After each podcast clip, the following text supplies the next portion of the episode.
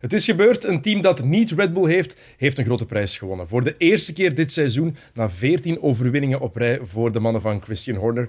En nog straffer, er stond zelfs niemand van Red Bull op het podium. Het kan dus toch. De grote winnaar van het weekend was Carlos Sainz.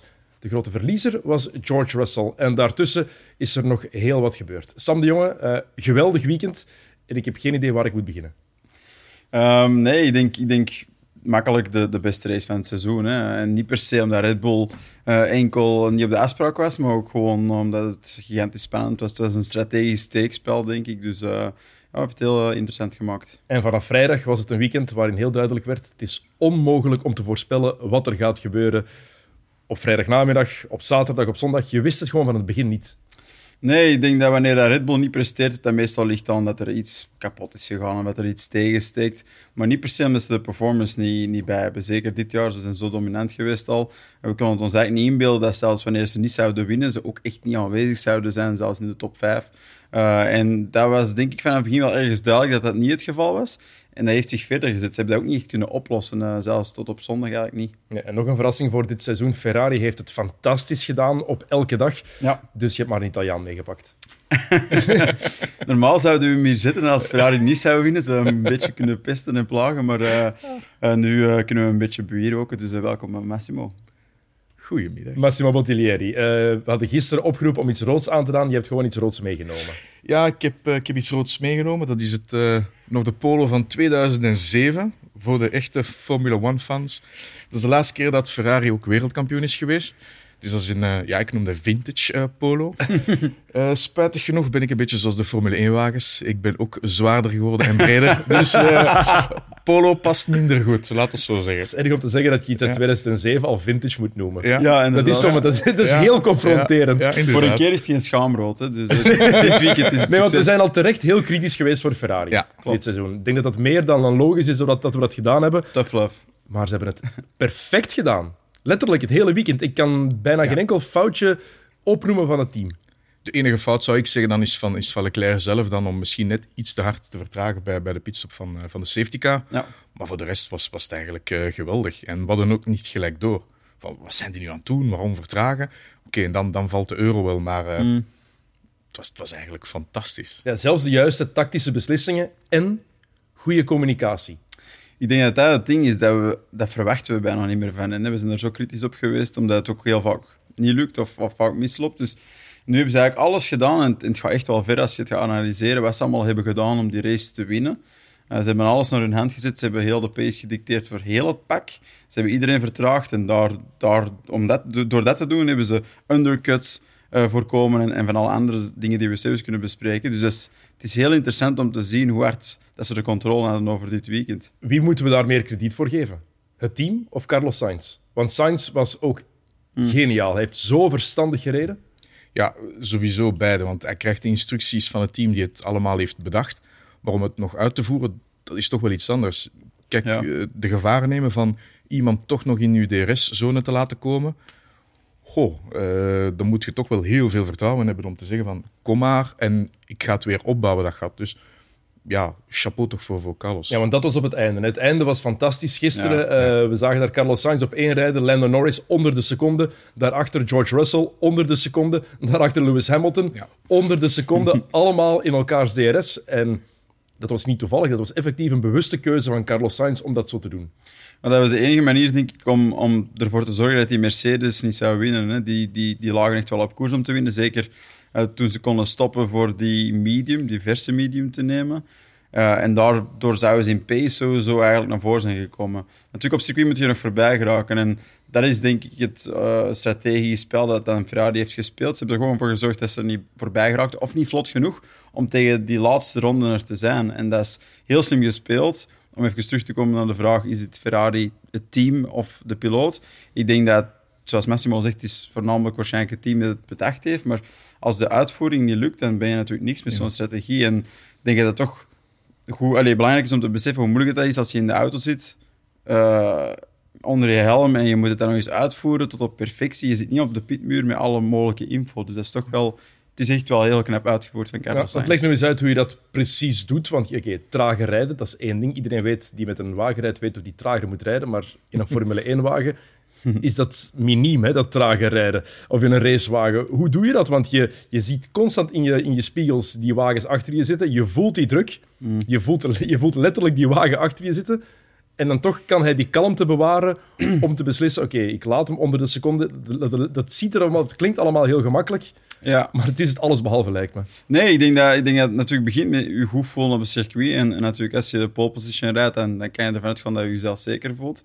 En dan gaat het toch wel over de punten vinden waar je dat kan uitspelen. Je kan niet algemeen in elke bocht gaan vertragen. Je gaat dat doen op punten waarvan dat je weet uh, dat ze misschien niet per se voorbij kunnen gaan wanneer je vertraagt. Uh, wanneer dat je ook weet dat je op andere bochten dan weer kunt versnellen. Dus het is niet zomaar een gemiddelde vertraging over heel de ronde. Hè. Je gaat je punten uitkiezen die slim zijn. Um, en die dan eigenlijk perfectioneren. En ik denk, als je in die zone zit, dan kan het wel plots redelijk simpel worden als piloot.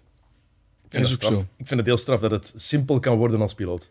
Ja, het is ook zo. En, en ik neem nu bijvoorbeeld, eh, dat, dat gebeurt in, in alle categorieën, bijvoorbeeld een chicane, dat dan gaan bepaalde piloten zeggen van ik ga met opzet extra hard gaan remmen, Ja. want die andere piloot achter mij kan er toch niet voorbij. Maar ik ga me wel fantastisch goed positioneren voor mijn exit. En ik weet ook van mezelf bijvoorbeeld dat ik dan een goede topsnelheid heb. Ja, dat is, dat is ook wat, eh, wat Carlos Sainz deed. Ja, hij wist het, Ja. dat hij een goede topsnelheid had. Dus een beetje afremmen en dan op de, op de snelle stukken gewoon ja, terug de gap eh, gaan, eh, gaan, gaan laten groeien. Heeft hij Ja. zichzelf daar ook niet een beetje in gevaar gebracht eigenlijk? Want hij zorgt er wel voor dat Lando Norris onder die seconde blijft. En hij ging er eigenlijk vanuit, Norris gaat me toch niet kunnen inhalen. Ja, ik denk dat dat een stuk is vanuit eh, de wetenschap dat hij op zich nog de banden heeft om te reageren als het moet. Natuurlijk, het is sowieso een risico. Hè, als, als Lando Norris een, toevallig in een of andere ronde een extra goede exit heeft, bijvoorbeeld, of een extra goede entry en die komt dichter dan verwacht, dan kan dat fout uitdraaien. Maar uh, vanuit zijn gedachte van alles is onder controle, als alles goed loopt, eh, binnen de voorspelling dat hij erover heeft, dan, dan, dan lukt dat. Uh, maar natuurlijk, is, dat is niet zonder risico. En zeker als je zelfs teruggaat van die laatste rondes naar heel de race, het is wel een heel lange race om strategisch zo te managen vanuit één team dat je dat de pace van de race gaat dicteren. Dat is toch wel echt niet gemakkelijk. Maar dat hebben ze vanaf het begin gedaan. Hè. Ik bedoel, Carlos Sainz reed op een bepaald moment dezelfde tijd als Logan Sargent in de Williams. Hè.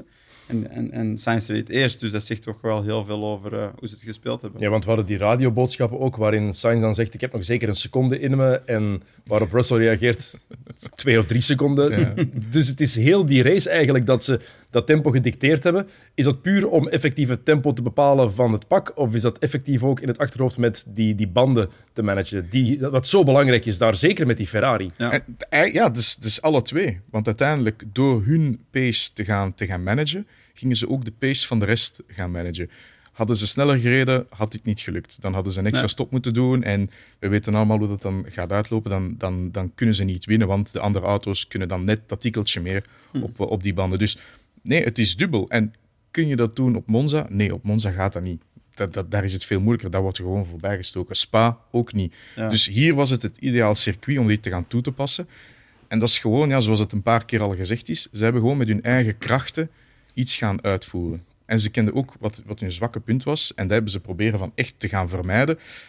Eindelijk hebben ze eens een keer eh, heel slim gespeeld. En het leek ook alsof ze eindelijk nu helemaal doorhebben hoe die wagen werkt. Wat de zwakke punten van die wagen ook zijn. Want wat je zel- zelf zegt, ze hebben dat perfect gemanaged. Ze hebben ook perfect gecontroleerd hoe ze die wagen het best mogelijk konden positioneren. Hoe ze de, de, de slechtste punten konden elimineren bij- bijna. Ja, dat, dat klopt. Ik denk dat ze eigenlijk al wel wisten dat ze op zich een goede auto hebben voor quali. Dat is al, dat is al langer zo. Ja, dat die, is al die- langer, ja. die band die warmt snel op en daardoor hebben ze snel performance en, en komt die piek van die band er vaak goed uit in quali.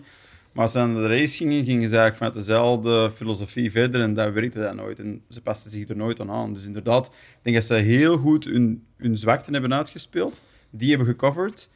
Eh, in plaats van te gaan proberen spelen op je kracht, wat is bijvoorbeeld je banden snel opwarmen. In een race werkte dat uiteindelijk toch nooit. En ze beleven dat denk ik iets te lang gaan proberen Ja. om het op die manier te winnen. En, en dat lukt niet. Eh, zeker niet ten opzichte van een Red Bull, die dan zo sterk zijn eh, op, op bijna alle vlakken. Dus ze hebben, ze hebben alles goed ingeschakeld. Ze hebben ook Charles Leclerc goed ingeschakeld. Eh, een stuk eh, om het op te vangen voor Sainz. Vanaf het begin was de strategie er op softs te vertrekken. eh, en, dan, en eigenlijk iedereen op te, te houden eigenlijk achter Sainz. Heel goed gelukt en ja, gewoon knap. hè. Bij Sainz begon het ook al fantastisch. Hè? Die start van hem was ook al foutloos. Ik denk Ja. niet dat we iets van Sainz kunnen zeggen. Ook al zouden we het kleinste detail zoeken, dat we één ding kunnen vinden waarvan je kan zeggen, ah, dat was toch minder. Nee, Sainz heeft Nee. gewoon effectief geen enkele fout gemaakt. Hij heeft de perfecte race gereden Ja. en, en ook nog eens weten dat het een straatcircuit is, waar eigenlijk een foutje snel gebeurd is. Dat hebben we ook gezien op het einde van de race. Ja. Dus ja, uiteindelijk heads off voor, voor, voor, voor Carlos. En ja, hij begint stilletjes aan wel de harten te, te gaan stelen bij, bij Ferrari en bij Ja. de Ferrari-fans. Ja, dit is nu dit is niet de eerste keer. Als we kijken naar Monza, was, eh, was hij ook al meer dan, dan degelijk. En Sainz die wel bewijst dat hij zich meer en meer comfortabel in die wagen en ook in dat team aan het vinden is. En dat is iets wat vorig jaar, waar, we tegenovergesteld over zeiden. was, ja. Ja, en, en, en zo zie je maar hoe snel dat dingen kunnen veranderen. Ik denk dat bij, bij Leclerc had iedereen altijd zo het idee van respect. Van, dat is iemand heel gepassioneerd en, en, en heel emotioneel vaak. Maar, maar hij kan ook zotte, zot- zotte dingen verwezenlijken en, en dat, dat krijgt dan respect. En bij Sainz had altijd zoiets van, ja, je speelt dat op veilig en, en dat lukt dan juist niet, dus pff, ik vind dat wel flauw. Maar natuurlijk, wanneer je de andere proporties begint aan te nemen en, en dat emotionele van Leclerc komt te vaak voor, waardoor het ook te vaak niet lukt. En, dat, en eigenlijk begint bij Sainz te zien dat hij blijkt dan degene te zijn die dan tenminste iets brengt voor Ferrari. En dan, dan verandert die verhouding. Ik denk dat dat... Ik, heb, ik denk dat iedereen zo makkelijk dan dat gevoel krijgt van... Voor ons wordt ble- precies zo'n beetje de nummer één. Hè. Dat is toch wel opvallend dat dat kan. En ook opvallend hoe snel die perceptie kan veranderen. Die perceptie verandert heel snel. Nu natuurlijk, Sainz kenden we al van bij Renault en bij McLaren en noem maar op. Mm. Hij is eigenlijk wel altijd een goede piloot geweest. Hij heeft altijd wat dingen verwezenlijkt, maar uiteraard niet een flamboyante eh, piloot. Ja. Dus het is altijd van, oké, I'm doing the job. En dat heeft hij gisteren ook gedaan. Hè. Maar goed, daar verandert niks. Dat is, dat is al seizoen na seizoen op die manier. Uiteraard, een paar races terug eh, zit hij dan bijna te huilen in zijn helle van nee, kom aan eh, jongens, eh, dit this is unfair. you have to go, let me talk to them. Oké, ja, dat, dat is er nu precies wel een beetje uit. Ook omdat, laten we even eerlijk zijn, Charles zit wel een beetje in de hoek waar dat de klappen vallen. En hij heeft het wel wat moeilijker en de druk lijkt hem precies niet, ja, is, is geen succes voor hem. Ik had er gisteren medelijden mee. Ja. Met Leclerc, eigenlijk. Ja, het is... Allee, zielig is een, is een woord dat je op verschillende manieren Ja. kunt interpreteren, maar dat gevoel had ik er ook wel bij. Van, allee, kijk nu naar die gast. Dat is iemand dat, dat je pretendeerde om wereldkampioen te worden met Ferrari. en Die zie- talent heeft om het te worden. Ja, ook, die talent heeft. En, en kijk nu waar hij nu zit. hè. En hij gaf dat ook zelf toe. Van, hij, hij, moest, hij had een bijrol hè, vanaf het begin. Hij moest zich inzetten voor Science. Hij heeft dat ook goed gedaan. Ja. Maar hij zegt... En, ja, dat begint natuurlijk bij, mij, bij mezelf van een slechte prestatie te leveren in quali. Als ik dat niet doe en ik sta voor Science, dan is dat aan mij om te winnen. Dus daarin is hij wel sportief geweest, vind ik. Heeft, het, heeft hem wel ergens het hogere doel van Ferrari als team eh, voorop gezet. Wat ik dan weer juist vind. En dat waarschijnlijk wat voor hem op deze moment het slimste is. Want ik denk dat zo iemand dat heel competitief in elkaar zit, je ziet even bijvoorbeeld Lewis Hamilton, die kan dan heel snel beginnen klagen tegen een team. En dat bereikt hij dan ook weinig Hij mee. is een hele goede ploegmaat geweest. En wat je Ja. ook zegt, die kwalificatie... Hij had het in eigen handen, Leclerc. Ja. hè. Als hij daar die, die laatste voorlaatste bocht, als Ja. hij dat ene foutje niet maakt door even uit te breken, zo dan weinig. pakt hij het Ja. misschien wel. Ja, voilà. En dan is hij degene die, die, Die wint, hè? die die rol mag spelen van Science. En is Science die de bijrol heeft. Ja. Dus dat is nu eenmaal zo gekozen. Ze hebben dat duidelijk goed besproken. Van jongens...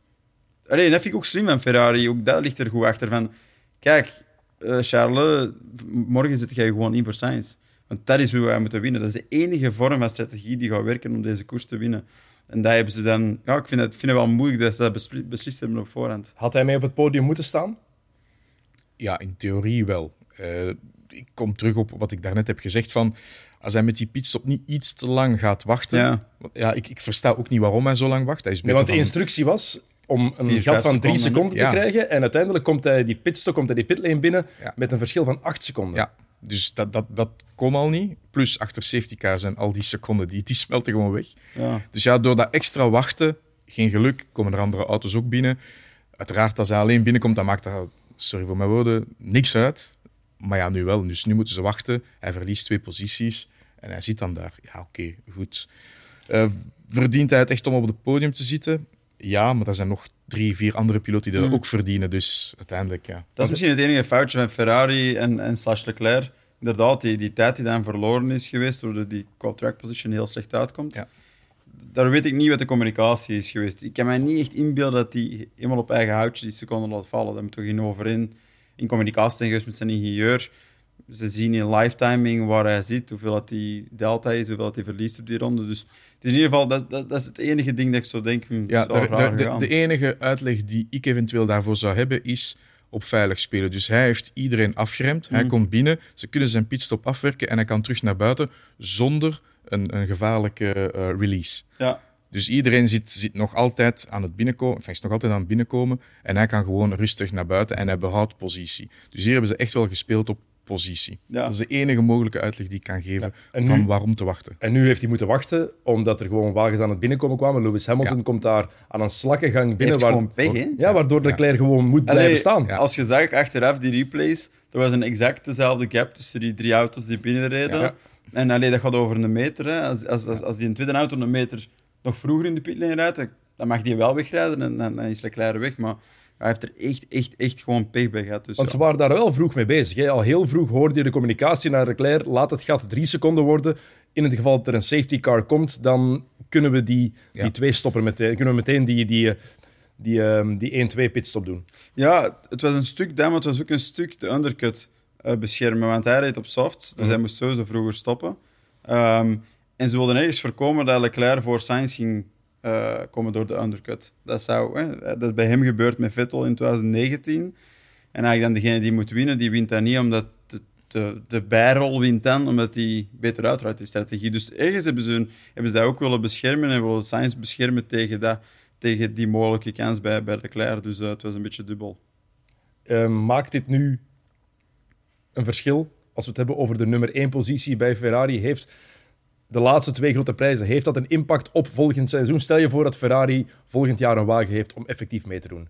Maakt dat uit of beginnen ze dan terug van nul? Het begint gewoon elke keer terug van nul. Want voor hetzelfde geld, de auto die ze dan herontwikkeld hebben, ligt dan Sainz iets minder en, en is Leclerc met kop en schouder erbovenop. Dus nee, ik, ik denk het niet. Er is ook altijd een geschiedenis in, in het team. Mm. Het is niet omdat je twee races voor Leclerc eindigt dat je plots de echte nummer één bent en dat je alle prioriteiten krijgt. Ja. Nee, dat geloof ik niet. Plus is die vraag niet. best relevant wanneer ze Ja. kunnen strijden om het kampioenschap. Ja. Allee, tot dat punt maakt het eigenlijk denk ik, niet heel veel uit wie de nummer 1 is. Het gaat gewoon om scoren, om naar voren te geraken. En weet je, ondanks dat ze nu winnen, weten we allemaal dat in Japan normaal gezien Ja. zijn ze niet plots terug bij de top 2. Om zo te zeggen, dat zouden Red Bulls moeten zijn, die 1 en 2.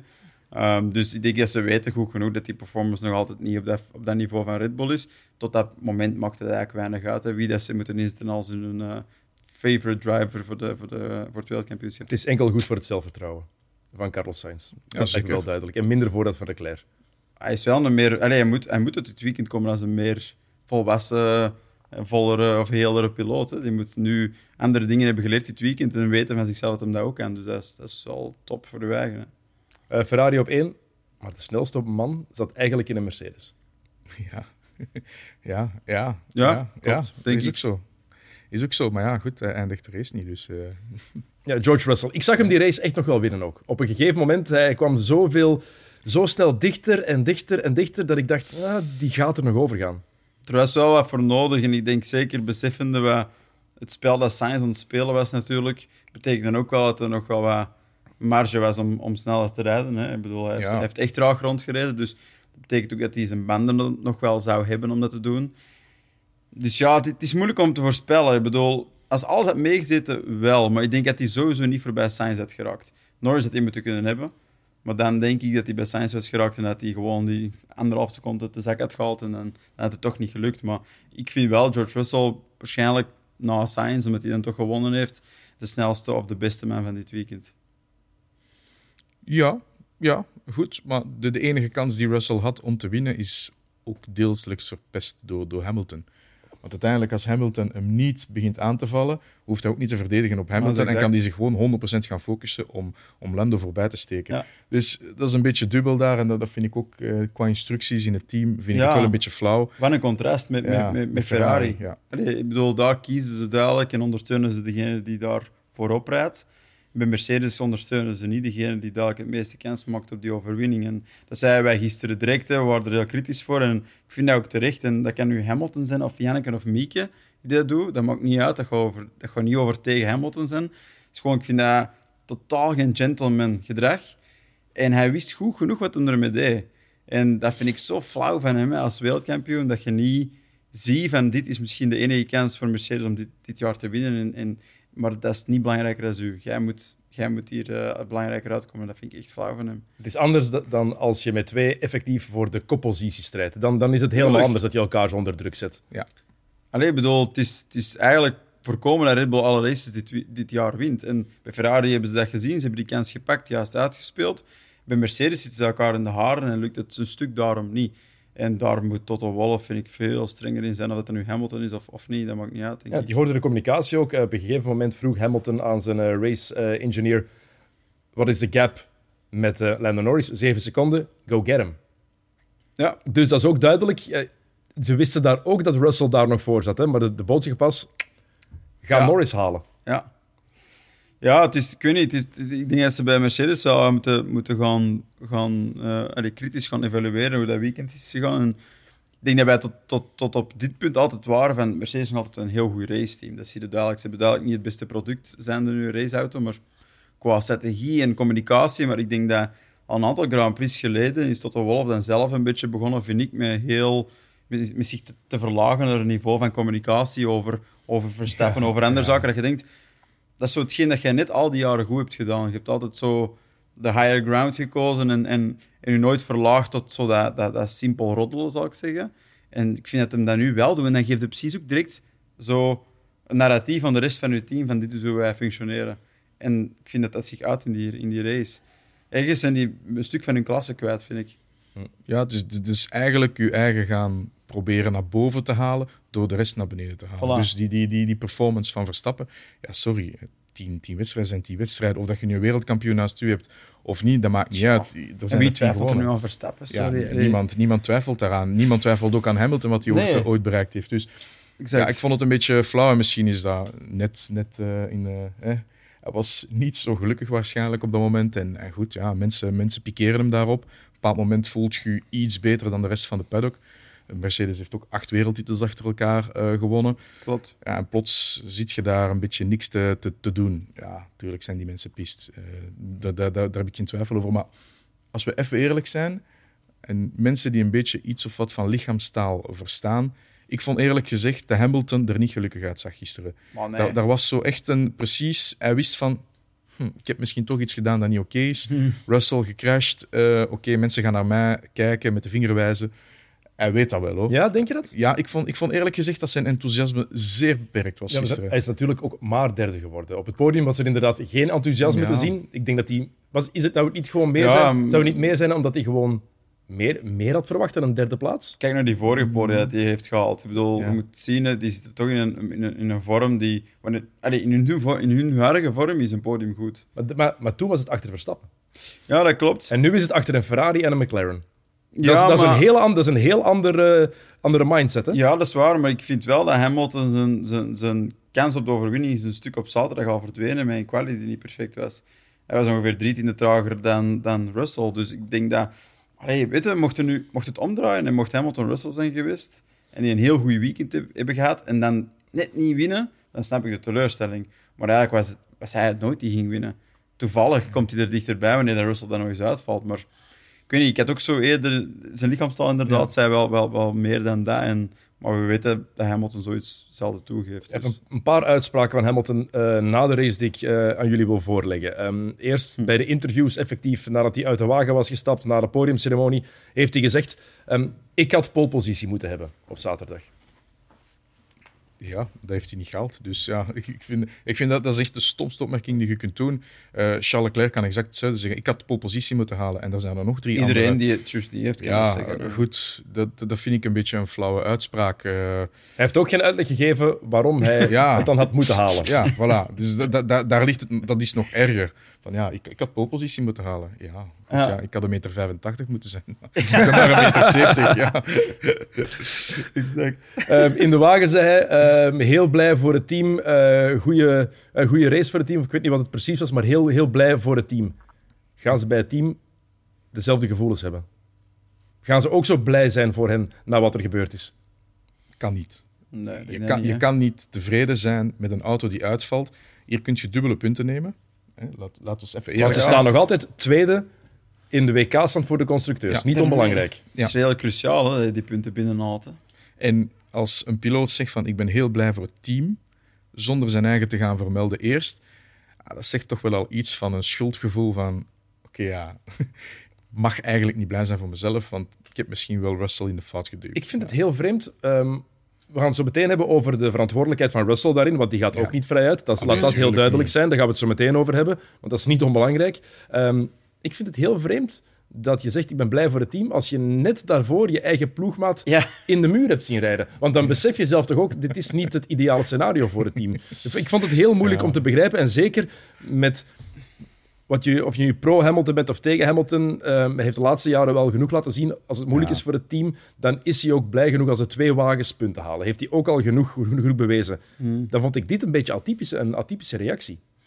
Ja, ik, ik vind hem wel vaker onsportief, eerlijk gezegd, in zijn, in zijn gedrag. En, en kijk, allee, ik zou niet te hard persoonlijk willen spelen. Dat is gewoon, denk ik, eigen aan de echte winnaars. En hij is een echte winnaar, net zoals Verstappen er een is, en Senna er een was, en, Schumacher en Vettel. En die hebben allemaal andere mensen genaaid en daardoor zijn zij beter geworden. Ik bedoel, Vettel, dat is nu een lieve gast, maar laten we niet vergeten met Mark Webber. Ik bedoel, die heeft hij ook in het zak gezet, letterlijk, om te kunnen winnen. Hè, terwijl de afspraken anders waren. Dus in die zin, hij hoort nu eenmaal bij die categorie van echte winnaars. Dus en, en dat creëert, vind ik, wel een marge in uw evaluatie ervan. Maar ik vind hem wel veel vaker degene dat wanneer het voor hem niet goed is, is hem slechtgezind. Ja, eh, en ik vond ook heel duidelijk in die, in die, in die interviews na de race, zei hij ook van ja, het is eigenlijk in de eerste, race, in de eerste bocht was het eigenlijk al gebeurd. Daar geeft hij Russell de schuld. Hè. Dat zei hij ook over de radio. Hè. Russell, eh, George, eh, die duwt mij breed. Heel, heel eh, Ja, voor de mensen die het niet, gezien, single-minded voor de mensen die het niet gezien hebben, moet je misschien nog even beschrijven hoe dat, wat, die, wat er gebeurt in Ja, het begin. Hamilton daar. heeft een goede start. Hij begint aan de rechterkant, heeft een goede start. Probeert daar bij de remzone eigenlijk eh, Norris uit te remmen. Dat lukt. Dat lukt ook omdat hij dan, als hij die bocht niet zou halen, dus als hij de bocht wel zou moeten halen, zou het al veel moeilijker zijn. Hij haalt die bocht wel, maar daaruit Russell. Dus het is niet dat Russell ooit aan de kant had moeten gaan of dat Hamilton naast hem zit op een bepaald moment. Hij rijdt eigenlijk in een gat dat er niet is, want Russell is daar. En zegt dan, ja, ik moet nu naar rechts gaan. Nee, je moet naar rechts gaan omdat je positie voor Norris wilt houden. Je kunt ook gewoon remmen. Komt Norris Ja. terug voorbij, dat klopt. Inderdaad. Maar je moet niet van de baan gaan. Je kiest gewoon voor de beste optie. Die optie lukt ook echt, want hij maakt heel veel snelheid. Hij gaat op de gas, rijdt rond dat paaltje en hij komt voor Russell uit. Allee, niet een beetje, hè. pakt 20 meter voor Russell. Dus dat lukt allemaal. Dus ik, allee, snap je, hij creëert er zelf een situatie om dan achteraf over te klagen. Kijk, Louis, dat, dat scenario had niet bestaan. Tenzij die bocht anders was, maar die was niet anders. Dus ik weet niet. Ik vind dat zo, hij is soms zo oneerlijk in zijn evaluaties. Ik vind dat zo flauw van hem. Hij geeft gewoon toe, van, ik had geprobeerd om het te doen en dat is niet gelukt. Heeft die plaats wel teruggegeven aan Russell Omdat en, dat eh, moet, en ja. aan Norris? Ja, de, de- volgens, de, ronden, racelei- hè? volgens de raceleiding moest het niet, hè? Er werd no further investigation, dus hij moest die eigenlijk niet teruggeven. Maar die no further, gedaan. no further investigation die kwam nadat Russell er terug voorbij was. Dus de, ik denk dat die maar heeft investigation Norris meer ook was. voorgelaten, hè? Ja, maar goed, op, op dat moment, wat hij doet, Ja. als we even eerlijk zijn, is het 100% bewust. Het, het is, Alonso heeft het ook ooit een keer gedaan van, Ja. ah oké, het mag zo. Oké, goed, nee, maar doen jullie maar, jongens. En gewoon, paf, hij wist van, ik sta hier rechts, ik doe alsof. Want Ja. eigenlijk, daar was nog plaats naast Russell. Hè. Als, als we even eerlijk zijn, daar was wel plaats naast Russell. En ja, hij had dan misschien een klein beetje moeten remmen. En zijn positie was dan eh, compromised. Maar, maar dat, dat is het ding. Ik bedoel, het, had, het had sowieso gelukt. Hij moest er Ja. niet af. Maar het had gewoon hem nadeel opgeleverd. Ja. dat, is, dat is nu eenmaal hoe het is. Het circuit, dan is, allee, als dat zo loopt, dan moet je dat volgen. Hè. Als er geen plaats meer is, is er geen plaats Ja, meer. en ik denk dat niet Merce- genoeg plaats. Ja. Ik denk dat Mercedes ook wel heeft ingegrepen, misschien richting Lewis, omdat Russell was lastig aan het worden. Hè. Eh, dus ik denk ook wel dat ze ergens een brandje wilden blussen in het begin van de, van de Grand Prix. Want stel nu dat je dat brandje niet blust, dan wordt dat misschien een Grand Prix waar, waar gewoon je eigen twee piloten gewoon heel lastig zijn op elkaar en, de race gewoon moeilijk maken voor elkaar en zeker geen kans om Maar te het winnen. viel wel op dat hij er na de race meteen over, weer over begon. Dat was wel opvallend. Ja, Inderdaad. absoluut. Hij, hij, hij- hij verantwoordde zichzelf bijna hè, voor, voor die laatste rondes. Voor zijn gedrag van constant in de spiegel te zitten. Want kijk, daar gaat het uiteindelijk over. Hè. Mocht hij Russell niet aan te lastig hebben gevallen die laatste rondes, dan had hij met rust kunnen aanvallen bij Norris. Maar nu moest hij bij bepaalde bochten zo iets meer naar het midden gaan om te zien dat Lewis er niet zou tussen glippen. En daardoor kon hij zijn exit niet goed krijgen en kon hij nooit echt proberen bij Norris. Dus nogmaals, ik denk dat de evaluatie, dat het een stuk aan Hamilton ligt, dat dat niet is gelukt bij, bij George, is denk ik wel echt terecht. Eh, Als ik George Russell ben, dan denk ik, ja, toffe ploegmaat, hm, Lewis Hamilton, heel schoon. Maar langs de andere kant, we moeten het ook op een andere manier bekijken. als je ploegmaat wil zijn van, van Lewis Hamilton en met een van, die, van de beste wagens wil rondrijden, in een van de beste teams wil rondrijden, Ja. moet je dan niet kunnen omgaan met die druk? Ja, zeker. Zeker. En, en nogmaals, Lewis Hamilton, zeven wereldtitels. Wat had Russell zelf gedacht? Van, hé, hier is de rode loper. Ja, Doe maar, ik laat u winnen of ik laat u derde positie nemen. En eigenlijk een beetje de ster gaan spelen van, van ons raceteam. Nee, dat, dat, dat gaat niet gebeuren. Dat, dat, dat zie ik ook nooit gebeuren. Maar goed, ja, inderdaad, dan, dan moeten er instructies komen van het team.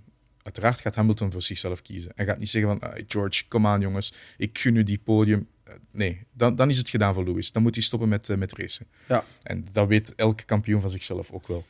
Maar Dus- ik, ik vind wel dat, dat, dat Russell, als je kijkt, vorig jaar begon die met die slechte auto en dan was hij beter dan Lewis. Of presteerde hij beter dan Lewis. Ja. Dat, is, dat is juister gezegd. Uh, maar Lewis is dan wel teruggekomen, hè, tot een punt dat wij zeiden van, hm, my, Russell maakt niet echt indruk dit seizoen. Hè. En, en Lewis is terug. Hè. En, uh, en ik denk wel dat de laatste races, de laatste twee races zeker, is, is Russell terug beter aan presteren. Dus die heeft wel in zichzelf iets gevonden, ondanks de teleurstelling dat het niet lukt hè, als jonge gast heeft hem wel zichzelf erboven kunnen zetten. En dat is wel een goede kracht. En dat is, toont wel ergens, vind ik, dat hem die positie naast Hamilton dus wel verdient. Ja, Ehm, maar het is inderdaad waar dat... Ja, het is wel pijnlijk dat hij met dit weekend niet heeft kunnen afwerken. Want dat had een grote sprong geweest voor zichzelf, denk ik, in, in, in confidence, in, in zelfvertrouwen. Het scheelt ook weinig, hè? want als we kijken naar waar hij, die, muur, waar, hij die, waar hij die muur raakt, net daarvoor raakt Lando Norris die op hetzelfde punt. Een halve seconde daarvoor. ja.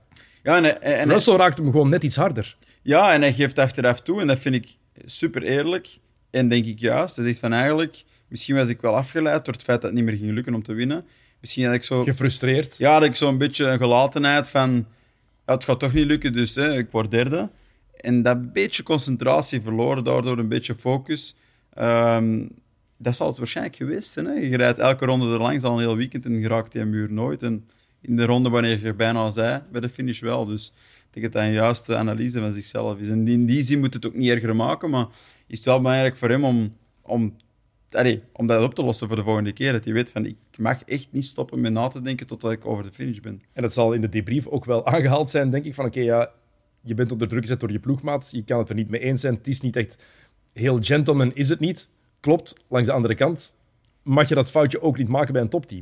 Dat Nee, komt er ook gewoon niet. bij. Nee, dat is waar. Zeker niet. Maar ja, als we kijken, wie staat er nu derde in het kampioenschap? Lewis. Ja. Ja, die weet ook waarom dat hij het doet. Dus nogmaals, de fout van, of het nu de fout is van Russell, de fout van Leclerc in qualifying, noem maar op.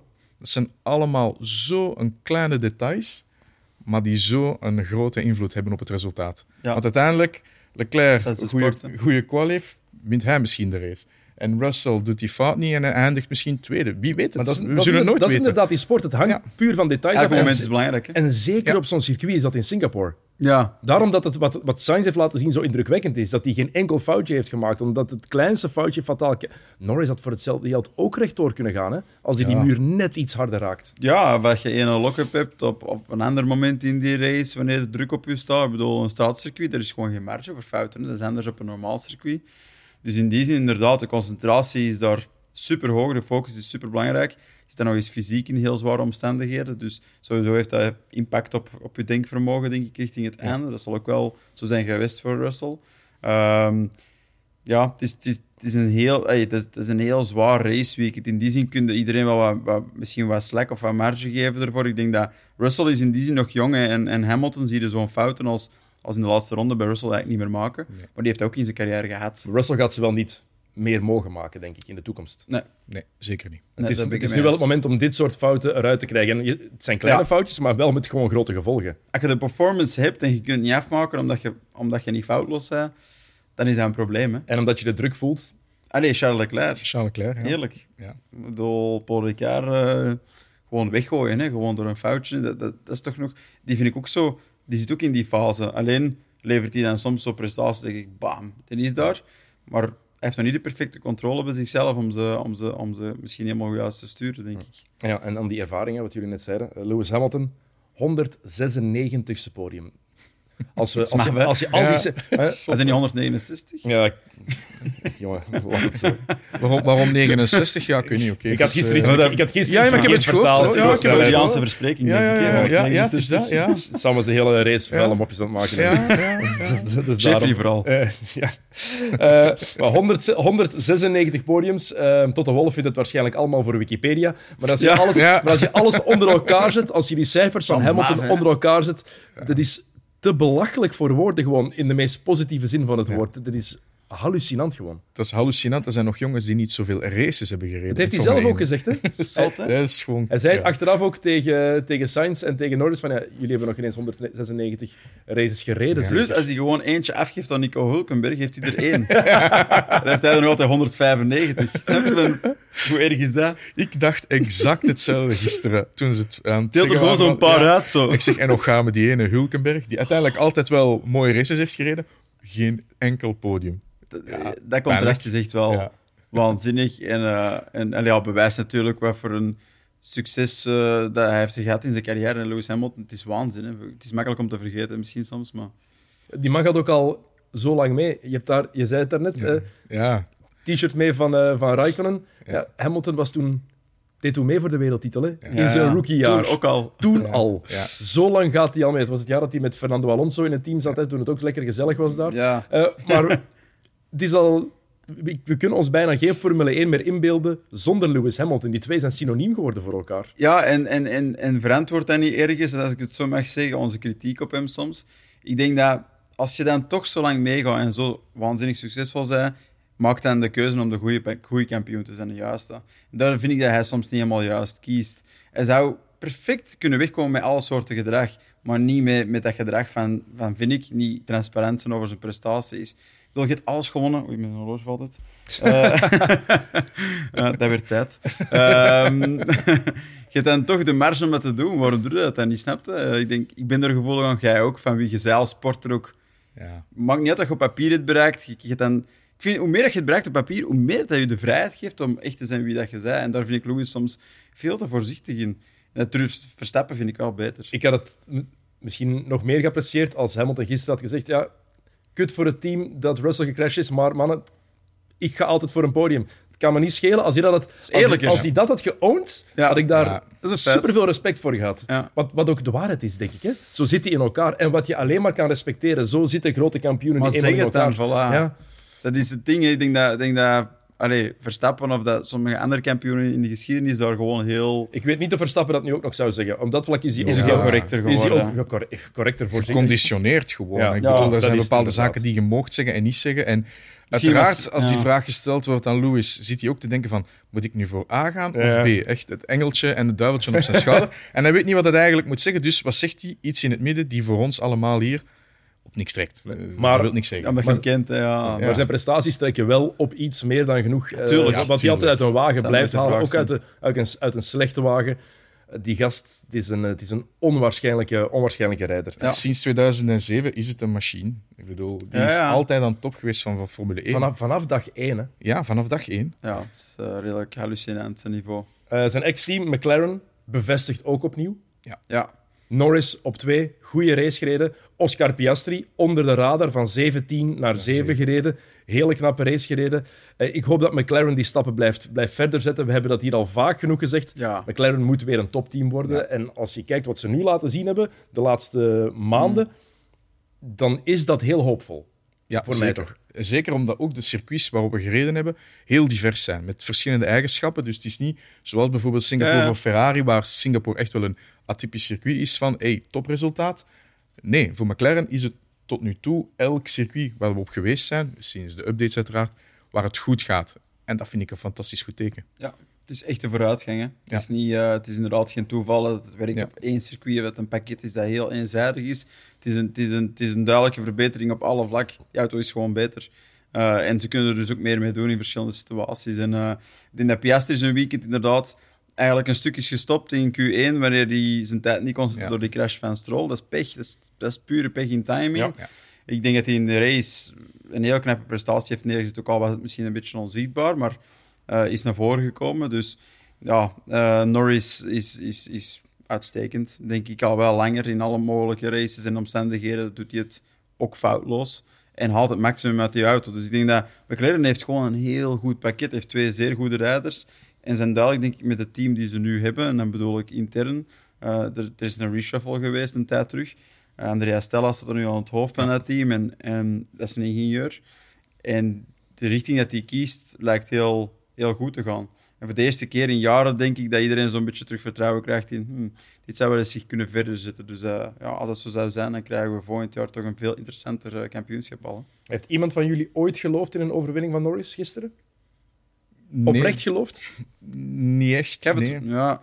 Ik zelf niet, want weer al, ik zag die controle bij, bij, bij, bij Sainz en heeft het heel de race kunnen doen. Uiteraard, enkel als Sainz een fout doet, kon Norris nog winnen. Dus nee, ik heb die overwinning van, van, van Lando Norris niet gezien. Eventueel wel die van Russell, maar niet die van uh, Norris. Nee, en ik denk dat dat juist is dat je dat niet ziet, want die was er enkel doordat Sainz hem die DRS gaf. Zonder DRS was die, was die laptime ja. ook minder en was die snelheid minder. Dus die zeggen is inderdaad wel een beetje een verkeerd beeld dat we zouden denken van oké, kijk, uh, hij heeft echt die snelheid van Ferrari om erover te kunnen. Nee, ja, hij had die om DRS. Er was een, weet je wat voor verschil in snelheid dat DRS geeft. Dus ja, nee. Het had kunnen gaan als Sainz een fout had gemaakt. Dan had het eventueel kunnen, maar goed, dat is niet gebeurd. Dus. Ja. Um, Norris, ik heb ook nog nooit iemand zo vriendelijk voorbij Max Verstappen zien geraken.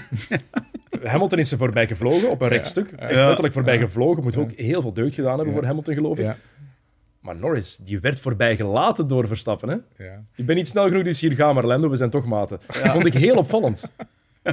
Ja, dat is op dat moment wel weten van, van zowel Verstappen als, als Lando waar ze zitten in de race.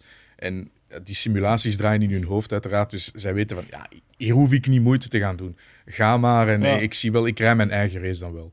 Normaal heeft Verstappen een huis zonder deuren, gewoon zo enkel ja. dichtgemitste muren en moet langs de schoorsteen binnenkomen. Maar nu was het wel een heel grote deur van, kom maar binnen alsjeblieft. Dus dat is duidelijk wel een cadeautje van, van zijn kant. Oké, okay. uh, Red Bull dan. De teleurstelling in Singapore. Ja. Teleurstellend op vrijdag, teleurstellend op zaterdag, teleurstellend op zondag. Mm. En toch is Max Verstappen nog vijfde. Slecht team. we, we, zijn er negatief over en terecht dit weekend. En toch is Max Verstappen nog vijfde ja, hij is vijfde omdat Russell uitvalt en ook kon uitvallen. Anders is hij zeven. Maar dat is de race ook, Natuurlijk, dat, dat, is de race, dat is de race. Maar hij rijdt wel... Het, tweede gedeelte van de race is, is wel een heel, goed, uh, een heel goede race. De auto ging iets beter op de medium. Ze had iets wat meer grip. Dus kon een klein beetje meer vergeven. En ja, de banden waren iets verser. Dus kon, kon harder gaan. Dat heeft eigenlijk nog zijn, zijn race gered hebben heel veel pech gehad. Hè? Mm, ja. Allee, ze hebben heel veel pech gehad met die vroege safety car. Hè? Want uiteindelijk zijn ze op die hards vertrokken. en dan die vroege pitstop betekende dan dat ze die strategie niet echt konden uitspelen van heel lang te gaan. Ja. Want iedereen stopte vroeg en dan moesten ze wel verder gaan erop. Ze konden nog niet, zij konden niet pitten, want dan zouden ze de rest van de race op mediums moeten doen. Wat nog het grootste deel was, wat nog in de 40 ronden was, denk ik. Dat had dus nooit gelukt, dus ze werden ergens schaakmat gezet. En moesten dan heel lang gaan doorgaan op die hards, die dan heel slecht werden. En dat hebben we gezien. We waren langs alle kanten aan het schuiven. En ze hadden sowieso al problemen met hun, met hun setup en balans. Dus ze hebben heel veel pech gehad in die race. En ja, weet je, dat is zo de perfect storm. Met al, alles wat slecht kan gaan. Of uh, Murphy's Law, alles dat slecht kan gaan, komt samen. En dat was voor hun dit weekend wel echt het geval. En dat is uh, begonnen op vrijdag. Hè. Verstappen die had zich duidelijk geamuseerd in het tweede stint, zei hij. maar als je kijkt naar het volledige weekend, hebben jullie daar een verklaring voor hoe het zo slecht kan gaan bij een team dat onklopbaar was voor 14 grote prijzen op rij. En waar het altijd wel goed leek te gaan, zeker met die wagen voor een keer, lukte het met die wagen totaal niet. Hoe kan dat? De, laten we zeggen, in, op een Formule 1 heb je drie uh, hoofdconcepten die belangrijk zijn. Dat is dan drag, dus hoeveel weerstand heb je ten opzichte van de wind, downforce hmm. en mechanische, uh, mechanische grip. Die bij Ferrari mechanische grip is heel goed. Het bewijs is, het, het vreet banden op. Bij, bij Red Bull hebben ze alle drie wel iets of wat uh, de beste auto. Het probleem is in Singapore zijn er, het, is het concept van de auto past niet bij het circuit. Het is heel bumpy, dus ze kunnen niet zo laag rijden. Hè, de, de, vloer blijft uh, tikken. Dus wat hebben ze moeten doen? De auto moest naar boven. Ja, dat, dat verstoort wel de balans van de auto en alle goede eigenschappen van die auto. Ja. En uiteindelijk werden ze gewoon teruggecatapulteerd naar een gewone Formule 1-auto met weliswaar een setup die ze moeilijk konden vinden, want ze rijden daar nooit in, in, in die window van de setup. Dus ja, laten we zeggen dat de andere auto's minder afgestraft zijn geweest door, door het circuit dan de Red Bull.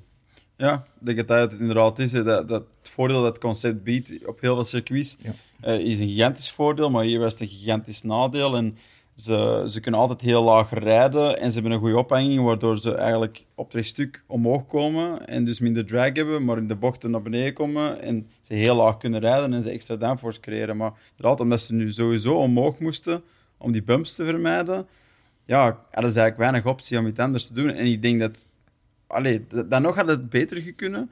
Maar ik denk dat ze allee, met de informatie die ze hadden, misschien de foute richting zijn ingegaan vanaf het begin van het weekend. Ja. En daar nooit echt recovered zijn. Want je maakt een, een baseline setup. Dat betekent, daar begint dat als je nulpunt. En vanaf dat nulpunt begint, probeer je je prestatie te verbeteren, je performance te verbeteren, setup gewijs. En die baseline was eigenlijk al fout. En ehm dat uitgangspunt was fout. En ze hebben dat eigenlijk nooit meer kunnen helemaal in een andere richting draaien. En eh, ik denk eigenlijk op... Ik denk FP3 was nog wel redelijk. Maar dan voor quali hebben ze nog een aanpassing gedaan die dan blijkbaar toch in de foute richting was. Dus dan gingen ze weer de foute richting uit. Dus ja, het was, het was een atypisch weekend, zeker qua analyse. En zo zie je misschien ook wel zo de, de, de luxueuze positie van wanneer het al, allemaal lukt. Ik denk dat er misschien zo na een tijd te weinig na over wat als het niet gaat lukken. Ja, Snap je? Van, misschien is er zo dan niet meer gewoon geworden dat het slecht gaat en dat je moet kunnen aanpassen in setup. Dus Ja, ze zeggen altijd, als je niet weet waarom dat je wint, zul je nooit weten waarom dat je verliest. ja, Uiteraard, dat is hier overdreven met Red Bull, want ze weten wel heel goed waarom dat ze winnen. Maar nu ja, was het iets of wat moeilijker met dat circuit. En dan, hè, zoals je zei, ook van ze, ze zijn blijven veranderen. Ja, zachter heeft bepaalde voordelen, harder heeft andere voordelen. Maar dan, ja, ze, ze bleven rondcirkelen zonder echt het optimum te gaan, te gaan vinden van die auto. Oké, ja, maar nog altijd P5. Fantastisch resultaat. recovered, ja. En bijna P4, hè. Op twee Ja. tienden van, eh, van, van Leclerc. Dus toch wel chapeau, zou ik zeggen. Dus de mensen die zeggen, ehm, zie je wel, Max Verstappen kan het niet met de mindere wagen. Maar die kan het, eh, die kan het toch wel, hoor. De- natuurlijk, is logisch. Ja. Hè, de Verstappen-fans die haten altijd op Hamilton, de Hamilton-fans op Verstappen. En gaan ze maar door. Zo werkt het gewoon in sport. Hè. Sportief, sporthaat, om het daar zo te noemen. ja. Ehm, maar ja, dit is, dit is een, een, een one-off. Dit zegt niks over de kwaliteiten van, van een rijder in, in een wagen die compleet niet vooruit gaat op zo'n circuit. Goh, ehm, Of, is, of moeten we gewoon onder de indruk zijn dat hij er toch nog een vijfde plaats heeft kunnen uithalen met een wagen die volledig, ah, die niet goed vooruit ging op dit, eh, op dit circuit? Hij haalt de vijfde plaats met een Ja. slechte auto tussen haakjes. Maar als we dan even eerlijk zijn en we zien hoe hij bepaalde auto's voorbijsteekt, ja. hij bereidt al het voorbijsteken drie bochten ervoor. En hij plaatst zijn auto op de correcte manier dat je zegt van ja, oké, goed, slechte auto of niet, gewoon puur door de plaatsing kan hij die auto voorbijsteken. Ja. Dat toont Oh, weer al hoe goed dat hij is.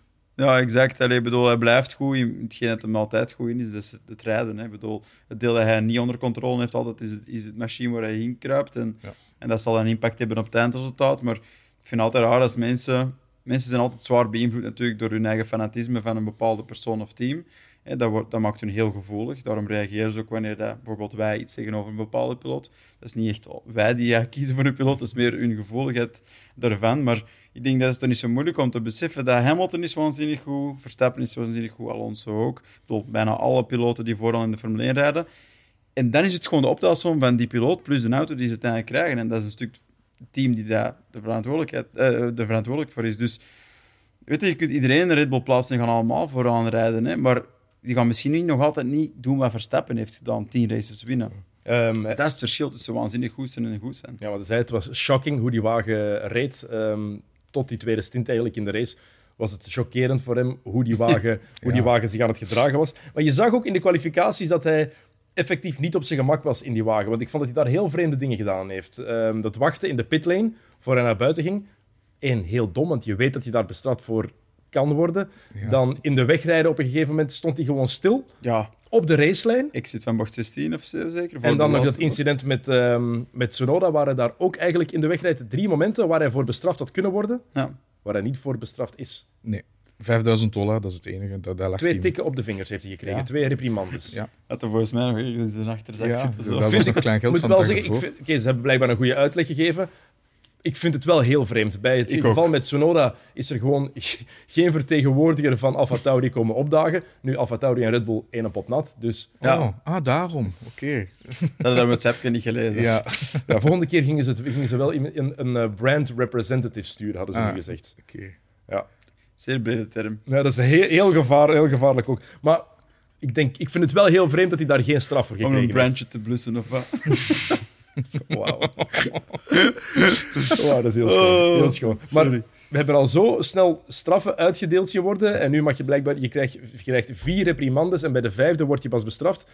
Maar ik vond dit heel vreemd. Ik wist, ik wist zelfs niet dat dat er was, die, Ja. die, die tikken op de vingers. Ik denk dat waar het mee begint is... Je zei van, ja, het is toch vreemd dat Verstappen zo niet in zijn vel zit, inderdaad. Ik denk dat hij maar heel goed wist van, oei, ik zit hier in een zwakke positie, dus ik moet andere factoren eh, gaan beïnvloeden om, om eh, hier weg te komen, nog met misschien vooraan te staan. En in Q3 te Heeft hij geraken. geprobeerd, ja, in Q3 ten eerste te geraken. Heeft hij geprobeerd. Oké, dat Pits-incident... Ja, ze zeggen van, kijk, op zich, je rijdt er niemand mee in de weg, je maakt geen gevaarlijke situatie, je beïnvloedt niemand zijn kwalificatie, wat ik ook niet helemaal waar Dat vind ik niet waar. Want maar, nee, als ja, zij naar buiten ja. wil rijden, je rijdt naar buiten met bepaalde temperaturen in je banden. Als je stilstaat, gaat de temperatuur naar beneden. Ik bedoel, dat is allemaal getimed.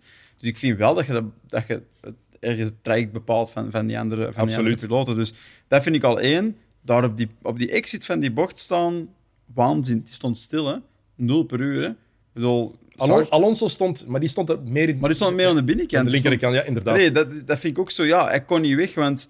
Dus ze, ze hebben eigenlijk gewoon de groep bestraft. Jongens, je mocht dat niet doen, hè. En Dat was ook de uitleg van Red Bull. Ze hadden gezegd, ja, we stonden daar omdat als we naar de binnenkant zouden gaan, was het gevaar te groot dat we in contact zouden komen met de andere Het is wagens. wel heel gevaarlijk tegen een halve per uur iemand anders aan een band raken. Ik denk dat het gevaarlijker is tegen 200 per uur verschillen. Wat het zo ongeveer zal zijn op die exit. Dus Ja. ik vond dat waanzin dat dat kan. En dat de Formule 1 ook de verantwoordelijkheid niet pakt naar andere klasses en, en de opstapklasses van dit gaan we echt hard aanpakken, want dit is zo'n levensgevaarlijke situatie. Maar ik vind het super zwak. Ja, ik, ik geef 100% gelijk. Ik, wij, wij werken in andere kampioenschappen waar veel meer auto's zijn. Ja, En stilstaan, worden gewoon afgefakkeld. Dat, dat, dat, dat is gedaan. dat staat gewoon niet. Dat, dat, dat is super gevaarlijk. Ja, ook, ook met muren. Er, wordt, er kan nooit gezien worden wie er net achter de muur is, waar dat hij zit. Ja, tuurlijk, al staat hij stil en op een zogezegde veilige plek, dat is toch wel schrikken. Of, of je gaat toch een korte lift doen. Dat is gewoon een, een menselijk reflex. Zal Ja. Sargent zijn auto dat verliest. Ja. Dat hij gewoon een foutje maakt, die, die komt naar binnen en er is drie, vier auto's bij betrokken zijn tegen hoge snelheid. Dus ik bedoel, eender hoe gedraaid, ik bedoel, het, is een, het is een situatie die niet zou mogen voorkomen, waar ze blijven mee sukkelen om dat op te lossen op een bepaalde manier. Ehm, en dan de derde met, met, met, eh, met Sonoda, daar zeggen ze dan, ja, we gaan hem niks geven. Allee, één, die representative was er niet. En twee, ja, het team had Verstappen moeten inlichten erover en hij was niet ingelicht. Oké, als dat dan ineens plots de referentie wordt, dat je zelf niet meer in de spiegels moet kijken en enkel aan de kant wanneer het team het u zegt. Maar dan kan je nog altijd bestraft Wanneer is dat verzonnen? Ik bedoel, Dat is ook altijd een fout van het team. Hè. Wat ik ook ergens heel leem vind van Red Bull dan, je bent al quasi zeker van de wereldtitel bij de constructeurs, bij de rijders. Own it. Ja, we hebben een fout gemaakt. Verstappen had daar niet mogen stilstaan. Dat was levensgevaarlijk. Nee, dan met zo'n uitleg komen. Ja, als we naar, eh, naar links waren gegaan, dan hadden we de andere wagens in gevaar gebracht. Dat vind ik, we zijn daar straks kritisch geweest op Hamilton en op die communicatie. Ja, dan vind ik dit van Red Bull minstens even belachelijk dat ze daar zo'n uitvlucht voor zoeken. Wat hebben ze nog te verliezen? Als je nog zo aan het vechten bent voor de, voor eh, de wereldtitel, Ja, ja. kan ik daar nog in komen. Hè? Want eh, je zoekt elke, elke edge, maar waarom zou je dat nu doen? Own it. Wat, wat gaan die drie plaatsen verschil maken? exact, dat is exact de discussie die we er net hadden. Van, het, kan, het kan ergens strategisch zijn dat je niet de waarheid vertelt wanneer je het nodig hebt dat je het niet kunt vertellen. Maar stel dat je inderdaad de vrije ruimte hebt om het te vertellen en het heeft weinig impact op je prestaties, waarom doe je dat dan niet gewoon? Waarom zijn die niet gewoon zo eerlijk? Want dan krijg je, vind ik, in het algemeen over sport gezien, veel meer aanhangers. Authenticiteit is belangrijk. Absoluut. Dus Goed. Eh, Stroll. Is er nog iemand die daar een lans voor wil breken? Oh. Te flauw ik weer het quiz te maken. het was, het was wel een serieuze map. Dat wel. Eh, dat was... eh, Mooi, hè? eh, Ja, het was echt... eh, Ja. het, was, het was niet de correcte parkeerplaats, dat was zo En als je, daar die, als je die onboard zag Ja, harde klappen. en als je, als je klap. die helm zag bewegen. Ja. Dit was echt wel het bewijs hoe veilig Formule 1-wagens zijn geworden. Chris zei dat nog eh, gisteren een paar keer in zijn commentaar wel. ook. Dit had, of eergisteren, dit had een veel zwaarder ongeluk kunnen zijn en dit had grote gevolgen kunnen hebben. Als dit 30 jaar geleden gebeurt, ben ik niet zeker Nee. dat Stroll eruit komt. ja ik, ik 100% gelijk. Het is een serieuze klap. Eh, het is niet voor niks dat hij de race erachter niet mocht rijden. Uiteraard, zijn auto was, zoals ze bij ons zeggen, in fruit van één. Dus ze hadden er niet ver mee geweest. Plus volgende week hebben we dan Japan. Ja, die risico's was ze dan zeker niet nemen op technisch vlak. Maar ik, eh, ik, had, het ook, eh, ik had hem er ook niet levend uit, eh, uit zien stappen, 30 jaar geleden. Het hoor. is een super zware. Zonder benen, hè? Ja, deceleratie gewoon. Hè. Het is, als je ziet waar de auto is gestopt, is eigenlijk. Oké, hij heeft een chance dat die energie zich nog een klein beetje heeft kunnen verspreiden, maar hij is wel redelijk dicht bij de impactzone gestopt. Dat betekent dat hij die, ik weet niet hoe snel het opnieuw op zit, over de 250 denk ik, die snelheid is hem allemaal verloren op die paar meters en dat is wat zo zwaar is voor een mensenlichaam. Dus Allee, chapeau inderdaad voor die, voor die Tech Pro barriers die verzonnen zijn geweest, doorheen de tijd ontwikkeld zijn geweest. En dat die zoveel energie kunnen absorberen zonder dat dat echt binnenkomt in de cockpit, is toch wel hallucinant eigenlijk. Hè. En uh, ja, echt wel knap als je naar andere sporten kijkt, waar er op veiligheidsvlak bijna geen vooruitgang is. Bij deze sport, waar gevaar zo zoveel meer mhm. voorkomt, vind ik dat extra knap dat ze dat toch blijven zoeken. Het is ook belangrijk dat we dat blijven benadrukken, vind ik. Dat we de geschiedenis niet vergeten. Want het is heel gemakkelijk om te denken, oh, het is veilig geworden. Dat is heel gemakkelijk, maar het is, ik vind het heel belangrijk om te blijven benadrukken. Denk aan wat er gebeurd is in Imola in 1994. Ja. Um, dat zag er, zag er gelijkaardig uit, hè? Die, die crashes eigenlijk, die daar gebeurd zijn. Die impact zal misschien niet harder zijn geweest in die zin. En, en hier zag je gewoon, een minuut later stapt Stroll daar zelf uit, uit die wagen. En geen probleem. En die wandelt verder. Ja. Dat is... Ik denk ook wel dat hij iets zegt over hun fysieke paraatheid en hoe sterk dat ze zijn geworden. Ik denk dat je daar een gewone mens in zit om te zeggen, een niet-sporter, dat hij er wel met, met verwondingen vanaf komt. Maar uh, ja, het is gewoon voor heel de Formule 1, denk ik, inderdaad een, uh, een heel goed bewijs van uh, hoe goed ze bezig zijn en, en, een constante zoektocht naar veiliger en veiliger te zijn. Ik bedoel, crashes, dat kan spectaculair zijn, maar we zijn niet op zoek naar doden of zo. Hè, dus. ja, kijk vorig jaar naar Joe. Die crash die hij daar maakt, waarin hij letterlijk over de kop gaat, die komt daar ook gewoon ongedeerd uit uiteindelijk. Ja. Gelukkig. Um, logisch dat Stroll niet start de dag erna. Ja. Fysiek enerzijds, maar ik denk dat die wagen ook nog een grotere, die, grotere die wagen, de, heeft, Mensen hebben het misschien gezien, maar dus daar worden wielen afgerukt. Ja, dat zit een beetje vast op, eh, op, het, eh, op de monokok, dus de carbon monokok. Als die beschadigd moet gerepareerd worden of een nieuwe monokok uh, gebruikt worden, ja, goed, zoals ik zei, volgende week is Japan. Die risico's kun je eigenlijk niet nemen. En ja, dan is het gewoon van, oké, we geven er de brui aan en uh, to the next one. Dat is misschien gemakkelijker geweest of juister geweest als uh, de, de, de medical delegate van de Formule 1 had uitgesproken dat hij niet mocht rijden. Snap Ik snap niet echt goed dat je als Aston Martin zijn en niet gewoon bespreekt. Ik bedoel, dat zij gewoon naar, naar buiten komen met een statement dat niet kan dan, dan pakt ook heel de vraag weg en de twijfel waarom. Dat we, en je zit dan met Stroll, weten, waar iedereen al over twijfelt van of dat hem genoeg motivatie heeft om, om te rijden. En dan ook in onderling overleg met het team. Ja, uw papa is dat de is baas. uw papa, ja, voilà.